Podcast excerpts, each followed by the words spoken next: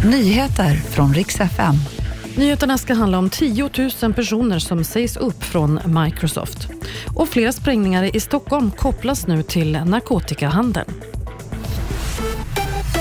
Vi ska börja i Stockholm som i natt hade sin nionde sprängning. Natten till idag sprängdes ett kontorshotell i Kista och enligt Aftonbladets källor så var måltavlan en man som har ledande roll i narkotikahandeln. Sprängningarna ska ha riktats mot personer i hans närhet. Polisen befarar att det kan komma att smälla igen.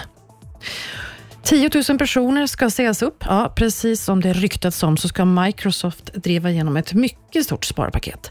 Redan förra året flaggade de för att tillväxten minskat. Ungefär 5 procent av hela personalstyrkan drabbas nu av uppsägningarna. Och idag så har det hållits avtackningar i riksdagen. Dagens partiledardebatt i riksdagen var den allra sista för avgående Centerledaren Annie Lööf. Efter 16 år som riksdagsledamot och 11 år som partiledare så tackar hon nu för sig.